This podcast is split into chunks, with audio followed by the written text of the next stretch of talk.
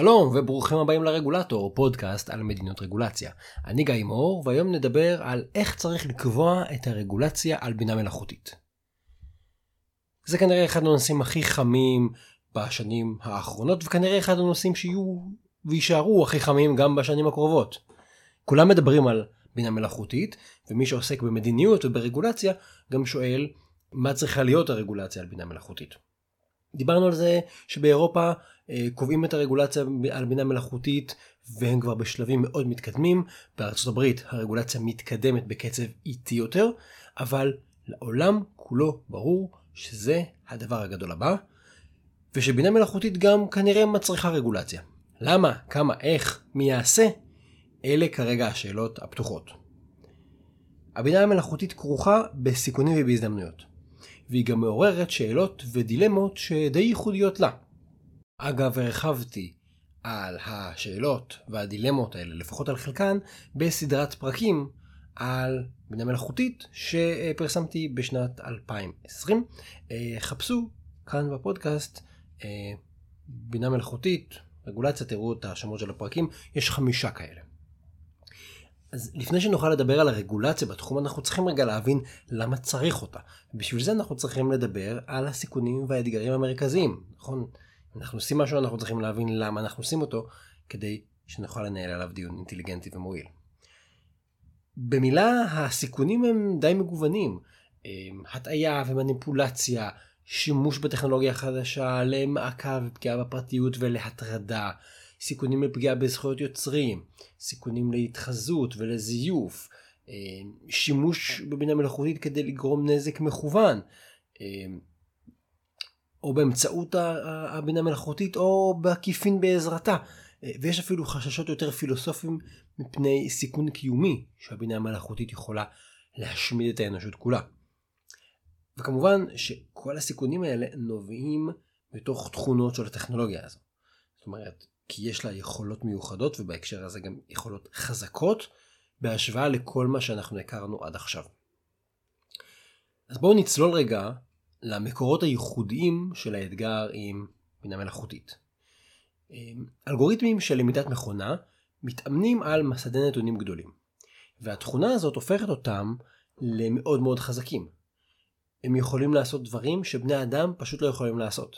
לפעמים זה לא לייעל את העבודה שלנו, זה פשוט דברים שאנחנו לא מסוגלים לעשות אותם. ואם לפני 60 שנה אנשים פחדו מרובוטים שהם אולי חזקים מאיתנו פיזית, אם תחשבו נגיד גם על הסרט אה, רובוקופ, אז עכשיו אנחנו מתמודדים עם מכונה במרכאות כפולות, שהכוח הפיזי שלה זה פחות העניין, אלא נקרא לזה שהיא יותר חכמה מאיתנו, במרכאות כפולות, אולי אפשר להגיד שהיא באמת חכמה יותר מאיתנו, אולי היא לא חושבת לגמרי בעצמה, אבל היא יכולה לבצע משימות אנליטיות שאנחנו פשוט לא יכולים. ויש משהו מרתיע במכונה כזו, שהתפיסה שלה, או התודעה שלה, או היכולת האנליטית שלה, עולה על שלנו. זה דבר אחד, לדעת שיש מישהו שהוא חזק ממני פיזית, אבל אני חכם יותר ממנו. זה דבר אחר להגיד, המכונה יותר חכמה ממני, היא מבינה דברים שאני לא מבין, היא חושבת יותר מהר ממני. זה פחד אחר. ויש עוד משהו שמגביר בצדק את החששות, העובדה שאנחנו לא באמת מבינים איך האלגוריתמים האלה עובדים. התופעה הזו נקראת גם בעיית הקופסה השחורה, כי האלגוריתם הוא עבורנו קופסה שחורה ואנחנו לא יודעים מה קורה בתוכו. למשל, כשאנחנו מאמנים בינה מלאכותית לזהות מה זה בית, מה זה תמונה של בית, אז מראים לה הרבה תמונות של בתים. אבל אף אחד לא נתן לה הגדרה של בית. זאת אומרת, זה תמיד מגיע מהמון המון מקרים קטנים, והיא למדה לבד מה משותף לבתים שבתמונות. אבל שימו לב, אנחנו לא באמת יודעים מה היא למדה. זאת אומרת, האם היא הסתכלה על קירות ואז גג משולש או משהו אחר? אה, אין לנו ממש מושג מה העיקרון המארגן שם. אגב, אם תחשבו על זה, זה, זה לא מאוד שונה מהאופן שבו בני אדם לומדים. נכון? הילדים שלי, אני לא מגדיר להם מה זה בית, הם איכשהו רואים מספיק בתים ולומדים בעצמם. וברגע שאנחנו לא יודעים להגיד איך הבינה המלאכותית עובדת, זה הופך אותה לפחות צפויה, ופחות ניתנת לניטור, ומקשה מאוד על הבקרה עליה. ולכן בפוטנציאל זה הופך אותה גם ליותר מסוכנת וגם מקשה עלינו להקטין את הסיכונים. למשל, אם אנחנו לא יודעים איך האלגוריתם עובד, יהיה לנו יותר קשה לסמוך על זה שהוא יהיה הוגן, שהוא לא יפלה, שהוא לא ישתמש במידע שאסור לו להשתמש בו, מידע סודי, מידע פרטי. אז אנחנו לא יודעים להגיד אם האלגוריתם עובד באופן מושלם, באופן פגום, באופן מעוות לחלוטין. וזה קושי אמיתי, כי במקרים רבים אנחנו לא נדע בכלל איך הוא עובד. ויהיה לנו קשה, ולפעמים אפילו בלתי אפשרי, לבדוק אם האלגוריתם עובד בצורה תקינה. אז בעצם עד עכשיו דיברנו על שני דברים, על העוצמה של האלגוריתמים בשילוב עם האטימות שלהם. זה דבר שיוצר בעיה ייחודית. עד עכשיו אם הייתי מסתכל על מכונה שאני רוצה לבדוק אם היא עובדת טוב או לא, על מכונת כביסה, על כבל חשמל, על מחשב. אנחנו יודעים להגיד איך הוא אמור לעבוד, לפתוח אותו ולהסתכל אם בפנים זה מסודר או לא. עם AI זה אחרת. אבל זה לא נעצר שם כי יש לבינה המלאכותית עוד שלוש תכונות שמוסיפות לאתגר הזה. התכונה השלישית היא שהמערכות האלה הן אוטונומיות. בנוסף, כתכונה רביעית הן מתעדכנות ומשתנות כל הזמן, ואם להוסיף על הכל גם תכונה חמישית הן מגוונות. יש מגוון רחב של מערכות וכלים וטכנולוגיות. זאת אומרת, זה לא בעיה אחת, זה הרבה בעיות והרבה סיכונים מסוגים שונים שמתנהגים אחרת. הגיוון הזה נובע משני מקורות, גם מזה שיש הרבה כלים, הרבה דרכים לפתח ולאמן בינה מלאכותית, וגם בגלל שיש הרבה מטרות ושימושים לבינה מלאכותית. למשל, ניקח את הדוגמה קודם של אלגוריתמים שיכולים לזהות תמונות, הדוגמה עם הבית, אז בואו נחשוב למה אפשר להשתמש בזה. כי יש הבדל בין מודל בינה מלאכותית לזיהוי תמונה שנועד למשל להחליף את הטייס במטוס, לבין מודל שעוזר לרופאים לפענח ולנתח צילומי CT, לבין מודל שיודע לזהות תוכן פוגעני ברשת חברתית. תאורטית אפשר להגיד שזו אותה טכנולוגיה, אבל הם פותחו ואומנו למטרות כל כך כל כך שונות. אז הטעויות בהם, או השימוש הזדוני מהם, ייראה אחרת, וינבע מסיבות שונות, ולתפוס אותו ייראה אחרת. ויש עוד משהו שכבר התחיל לקרות ובוודאי בוודאי יתעצם בעתיד, משלבים כמה כלי בינה מלאכותית ביחד. אני כבר נתקלתי באופן אישי ביוצרים שמשתמשים בכלי בינה מלאכותי אחד כדי לאסוף רעיונות, בכלי אחר כדי להעמיק אותם, לעשות מחקר, לפתח אותם, ובכלי שלישי כדי לאתר שגיאות וללטש את התוצר הסופי. היום יש ארגונים רבים שמחברים ישירות כמה כלי בינה מלאכותית זה לזה. האתגר הופך להיות הרבה יותר מורכב. אז אם לעשות סיכום ביניים, בינה מלאכותית היא כלי עם עוצמה אדירה. היא אטומה, ולא לגמרי מובנת לנו. היא אוטונומית. היא מגוונת מאוד, והיא משתנה כל הזמן. קשה מאוד לקבוע רגולציה על משהו שלא מובן לנו, עצמאי, סופר מגוון, וכל הזמן זז ומשתנה. אז זאת ההקדמה שלנו. ועכשיו בואו נעביר את השיח לשפה של מדיניות ציבורית.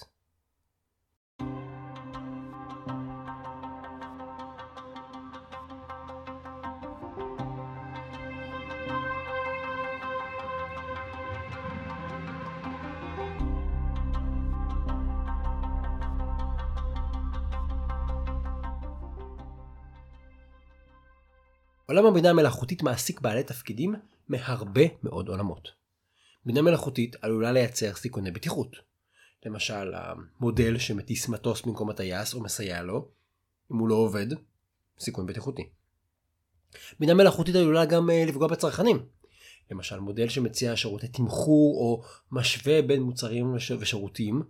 אתם מכירים את זה מתחום של טיסות וחבילות נופש, אנחנו כבר שם. יש סיכונים להתחזות, למצגי שווא, לגנבת זהות, באמצעות למשל זיוף עמוק, דיברנו גם על זה, חפשו את הפרק על אה, אפשר לזייף הכל. בינה מלאכותית גם עלולה לפגוע בזכויות יוצרים.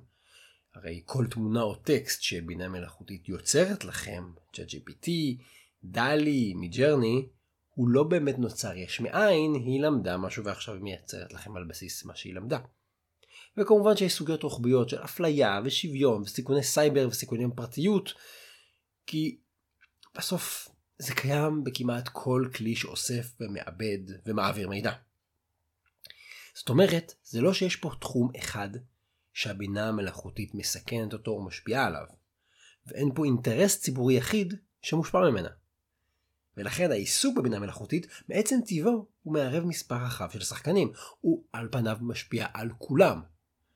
וזה אגב, שימו לב ותתכוננו, זה כבר יוצר פוטנציאל לסתירות ולכפילויות ברגולציה.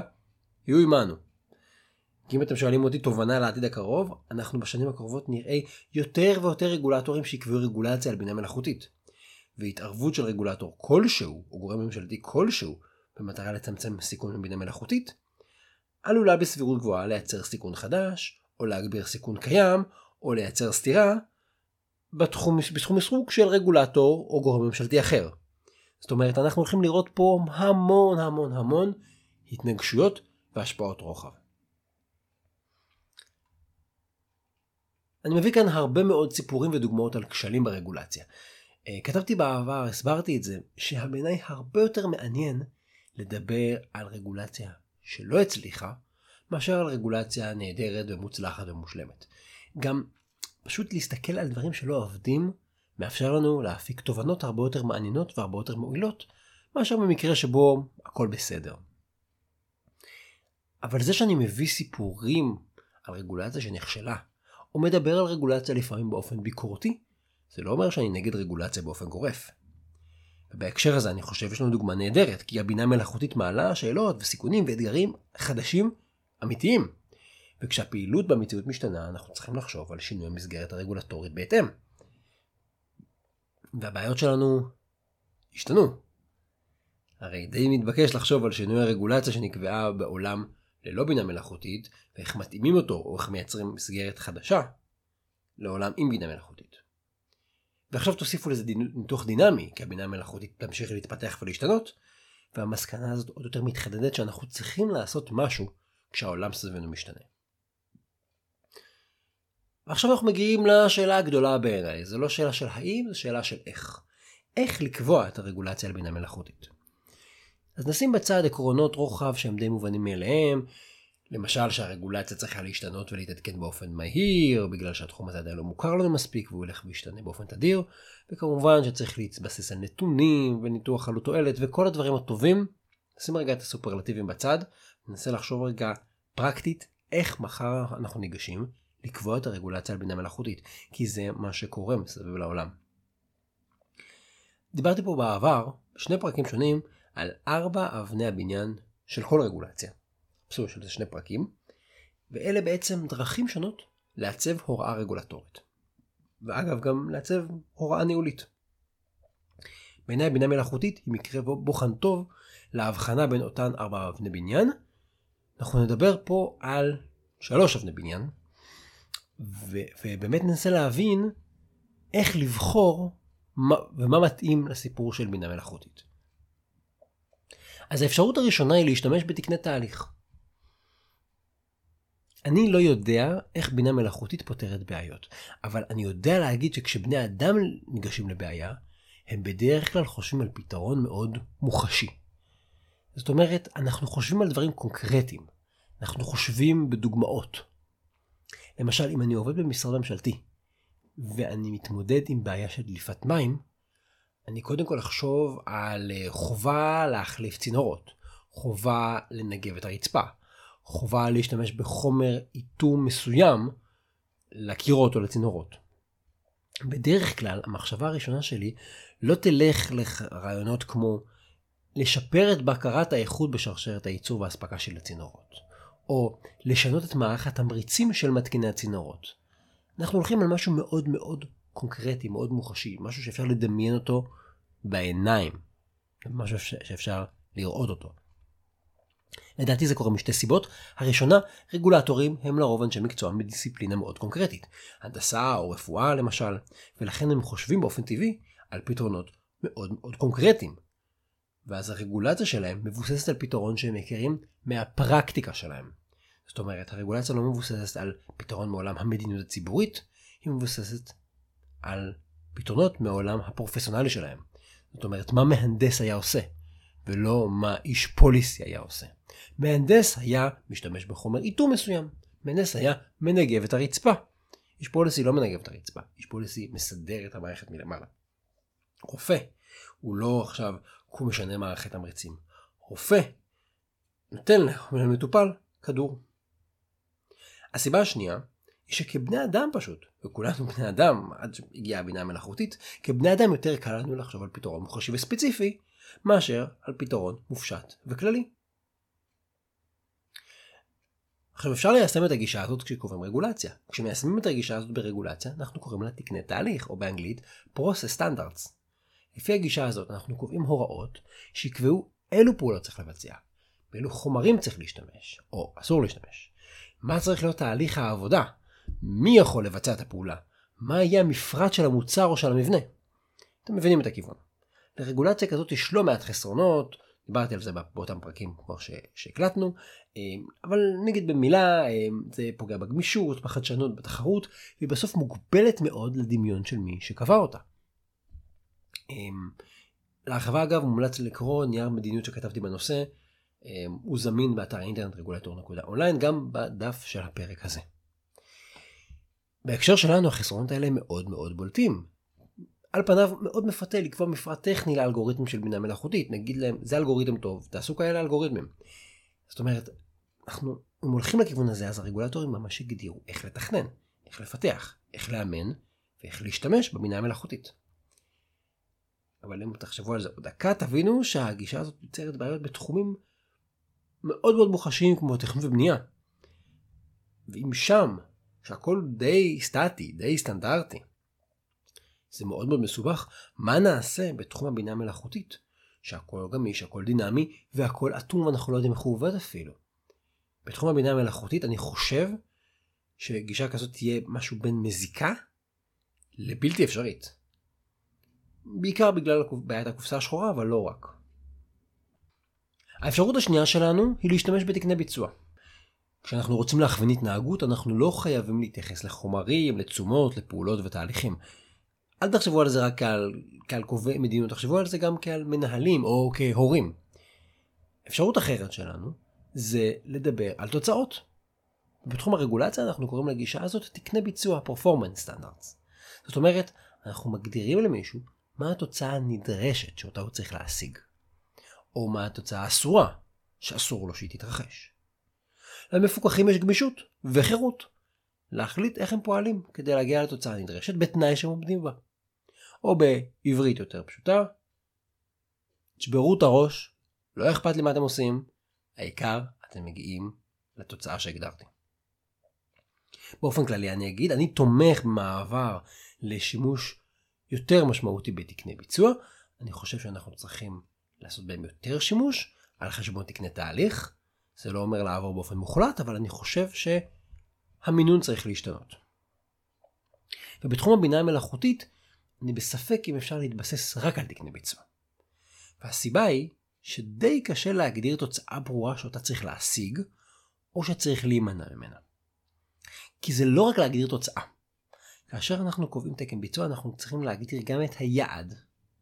אנחנו צריכים להגדיר ממש מבחן לעמידה ביעד. כי היעד לא יכול להיות בטיחות הציבור, הגינות במסחר. זה לא מספיק טוב. אנחנו צריכים מבחן ברור, ואז אנחנו צריכים לפרוט אותו לקריטריונים ולשיטת מדידה. כי לכולם צריך להיות מאוד מאוד ברור מה צריך לקרות או מה אסור שיקרה, ואיך אנחנו מודדים את זה. זה חשוב למפוקחים כדי להכווין התנהגות, זה חשוב ברמת ההגינות מול הציבור, וזה חשוב כדי שגורמי הפיקוח והאכיפה יוכלו באמת לממש את הרגולציה וליישם אותה. וכשאנחנו מדברים על בינה מלאכותית, זה די קשה. בשנים האחרונות רגולטורים מהעולם ניסו לקבוע תקני ביצוע כחלק מהרגולציה על בינה מלאכותית. אבל לעיתים קרובות הם נאלצו להשתמש בתקני ביצוע די כלליים. למשל, כאלה שדיברו על תוצאות הוגנות. בחלק מהמקרים זה מספיק. לדעתי, זה לא ייתן מענה לכל הצרכים ברגולציה, וזה עלול אפילו לייצר בלבול, חוסר ודאות, חוסר עקביות, זאת אומרת לקח אותנו לעולם של בעיות חדשות. בנוסף, מאוד קשה להגדיר את הרף הנדרש. זאת אומרת, כמה זה הוגן? בואו נגיד ששום דבר לא מושלם, אין מערכת שהיא בטוחה לחלוטין, אין ארגון שאין בו טעויות או תאונות, אז גם בינה מלאכותית יכול להיות שיהיו לה קצת פאשלות. ואם אנחנו מוכנים לקבל כזאת, כזאת דרישה, אז אני רק אשאל אתכם, איזה אחוז מהמקרים אתם מוכנים שהבינה המלאכותית תפגע בקניין רוחני ותגנוב מידע שמוגן בחוק, על ידי זכויות יוצרים למשל, או באיזה אחוז מהמקרים אנחנו מוכנים שהבינה המלאכותית תפלה אזרחים או לקוחות. זה מאוד מאוד שורשי ולכן זה מאוד מאוד קשה. וגם לא רק מבחינה ערכית, מבחינה מהותית. מה זה אומר שמערכת היא בטוחה? מה הרף? מה נחשב מספיק בטוח כשאנחנו מדברים על קבלת החלטות של מכונה שקבלת ההחלטות שלה היא אטומה לנו? ומי יקבע את זה? ואיך בודקים את זה בדיעבד? איך קובעים את זה בדיעבד? גמישות היא מטרה מאוד חשובה. להתמקד במטרה זה סופר סופר חשוב. אבל זה צריך להגיע עם רמה מסוימת של ודאות ובהירות, אנחנו גם צריכים להיות מסוגלים להשיג את התוצאה של הרגולציה כולה, זאת אומרת אם אנחנו רוצים לשפר בטיחות, גם הגדרת התוצאה צריכה להשיג את התוצאה הזאת. שמעביר אותנו לאפשרות השלישית, לדבר על תקני ניהול.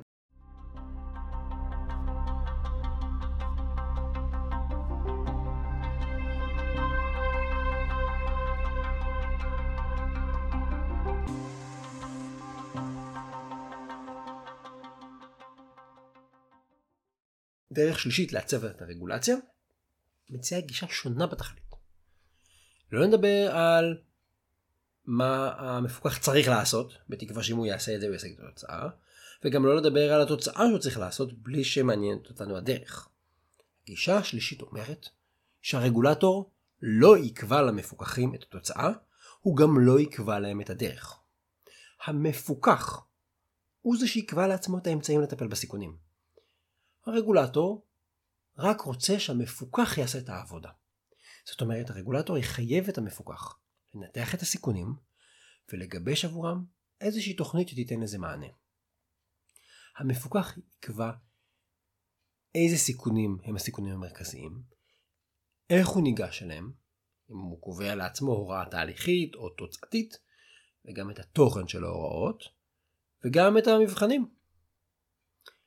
לגישה הזאת, כמו שאמרתי קודם, קוראים תקני ניהול, Management Standards, ופה הרעיון זה שהרגולטור לא מבצע את ניהול הסיכונים. הוא מטיל על המפוקח את המשימה לבצע את ניהול הסיכונים. ניהול הסיכונים מורכב משני דברים מרכזיים, מהערכה של הסיכונים ומהטיפול בסיכונים. את שני הדברים האלה, את האחריות לשיקול הדעת ולהחליט איך זה מבוצע, המפוקח נושא בזה. המפקח, המפוקח יבצע הערכה של הסיכונים, ואז הוא יגבש את תוכנית הפעולה, בדרך כלל באמצעות קביעה של נהלים או אימות של טכנולוגיות או מינוי של בעלי תפקידים. והמעורבות של הרגולטור היא במעטפת. היא יכולה להיות בכל מיני רמות, אה, הוא יכול לעסוק בשאלות כמו אה, האם המפוקח באמת ביצע הערכת סיכונים, והאם היא באמת מקיפה, ואם הוא ירד לעומק של דברים, ואם הוא מעדכן את הערכת הסיכונים שלו, כי אנחנו בעולם דינמי. הוא יכול לשאול, הרגולטור יכול לשאול, האם המפוקח גיבש תוכנית מענה לסיכונים, והאם המפוקח עומד ומיישם את התוכנית שהוא קבע לעצמו. לכן רגולציה כזאת מגיעה לרוב עם הקמה של תהליכי ניהול פנימיים, תהליכי ניהול סיכונים פנימיים של, הרג... של המפוקח, תהליכי תיעוד פנימיים, מינוי של בעלי תפקידים, קציני ציות, אבל הכל קורה אצל המפוקח. הגישה הזו של תקני ניהול מטילה על המפוקח את האחריות ואת התפקיד, לנתח את הפעולות, את התהליכים ואת הממשקים כדי לזהות סיכונים, להעריך מה הסיכונים המרכזיים, להחליט במה מטפלים ובמה לא ואיך, ואז לגבש ממש את הצעדים הקונקרטיים לצמצום הסיכונים שהוא זיהה והגדיר, וגם לבצע את הבקרה על עצמו. עבודת הניתוח, ההערכה, התכנון והיישום הם של המפוקח. גם את הבקרה הוא עושה על עצמו. הרגולטור הוא שכבה שנייה. החשיבה על תקני ניהול היא די חדשה, היא בת בערך 20 שנים. זהו. היו כאלה בעבר, אבל חשיבה מסודרת והבנה מעמיקה של מה זה תקני ניהול, מה זה תקני ניהול טובים, מתי משתמשים בהם, זה עניין די חדש. ומתי כדאי להשתמש בתקני ניהול? תקני ניהול הם בעלי ערך בולט בעיקר במצבים שבהם גם תקני תהליך וגם תקני ביצוע לא נותנים מענה מספיק טוב. מתי זה? במצבים שבהם השוק הוא מאוד מאוד דינמי ומאוד מגוון, ואז תקני תהליך לא כל כך טובים, כי הטכניקליטיז שלהם והסטטיות שלהם זה פשוט לא מתאים למצב שבו יש אה, שונות מאוד גדולה בין המפוקחים והשתנות של השוק. וגם כאשר קשה להגדיר או למדוד תוצאה מוגדרת. ואז תקני ביצוע לא כל כך יתאימו. במצבים האלו, כאשר אפשר להטיל על המפוקח לבצע את ניהול הסיכונים, זאת אומרת יש לו גם מסוגלות לשאת בזה, אז יכול להיות שהמפוקח יבצע את הערכת הסיכונים ואת הטיפול בסיכונים יותר טוב מהרגולטור. אתם מבינים פה בין השורות שזה מצריך מפוקחים מיומנים, מתוחכמים, עם משאבים. זה לא דבר שהיינו מטילים על עסק קטן או אדם פרטי. צריך ארגון שבאמת מסוגל לעשות את זה. יש לו מומחיות בעולם התוכן שלו, הוא מסוגל לנתח את הסיכונים ולהבין מה עושים. אנחנו משתמשים בגישה הזאת כבר לא מעט שנים בהצלחה, למשל ברגולציה של בטיחות מזון במפעלי מזון. ורגולציה מהסוג הזה נקראת גם הסאפ, כותבים את זה HACCP, וזה עובד. המפעלים עושים את הערכת הסיכונים בעצמם, כותבים את התוכניות, והרגולטור בודק שהם עושים את זה. כל מדינה נכנסת בעומק קצת אחר, אבל בגדול המשימה היא של המפוקח. מה שמעניין זה שלפני שנה נעשה ניסיון לאמץ גישה כזו של תקני ניהול בתחום הבינה המלאכותית. מכון התקנים האמריקאי, שהוא עובד אחרת לגמרי ממכון התקנים הישראלי, אל תשוו, אה, זה נקרא ראשי תיבות NIST, NIST, הוא פרסם מסמך על מסגרת לניהול סיכוני בינה מלאכותית. והמודל שהם מציעים במסמך הזה בעצם מטיל על החברות המפוקחות, זאת אומרת החברות הפרטיות, לפתח תהליכים, מערכות ולמנות בעלי תפקידים שיזהו ויעריכו את הסיכונים ואז ייתנו מענה לסיכונים.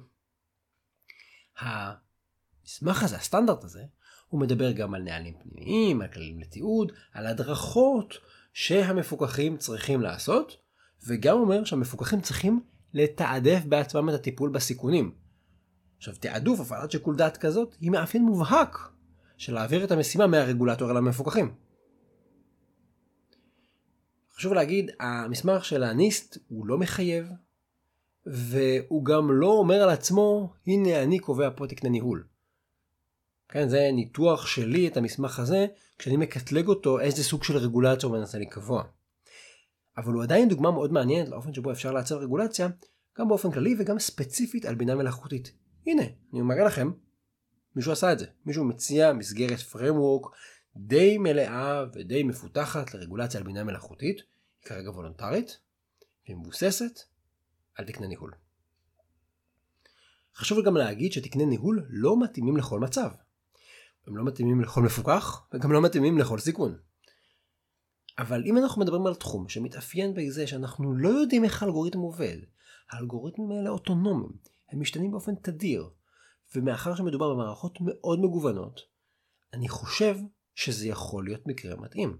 אולי אפילו תגידו שזה מקרה קלאסי לאימוץ של תקני ניהול. ובעיניי האתגר הגדול הוא דווקא של הרגולטורים. כי הרגולטורים, אם אני צודק פה, הם יצטרכו ללמוד איך קובעים ואיך מיישמים תקני ניהול. הרבה מאוד רגולטורים, גם בישראל גם בעולם, באופן מסורתי קבעו בעיקר תקני תהליך. מגדירים בדיוק מה המפוקח צריך לעשות. זה ההפך הגמור מתקני ניהול שבו אנחנו אומרים לו אתה תקבע, אתה תעשה, שכל הדעת הוא עליך. בתקני תהליך אני אגיד לך איך לבנות, איך לתכנן, כמה אנשים יהיו בחדר, מה תהיה הטמפרטורה, כל כך זמן אתה מנקה, איך אתה מנקה, כמה שניות אתה שוטף ידיים ובאיזה טמפרטורה. אני נתקלתי בעבר ברגולטורים שאימצו תקני ניהול. אבל בגלל שהם הכירו מסורתית רק תקני תהליך, הם הפכו את הכלים של תקני ניהול לסופר תהליכים ועמוסי בירוקרטיה. ואז הכל נהרס. למשל, אמ, תחשבו על רגולטור שדורש במפוקחים להכין הערכה של הסיכונים, אבל הוא אומר, תגיש לי את הערכת הסיכונים שלך כדי שאני אבדוק ואני אאשר, וגם תגיש לי אחר כך את תוכנית הטיפול בסיכונים שלך ואני אבדוק ואני אאשר, ואז הרגולטור היה משנה את התוכנית, את הערכת הסיכונים או את תוכנית הטיפול, ומכתיב להם הוראות ספציפיות.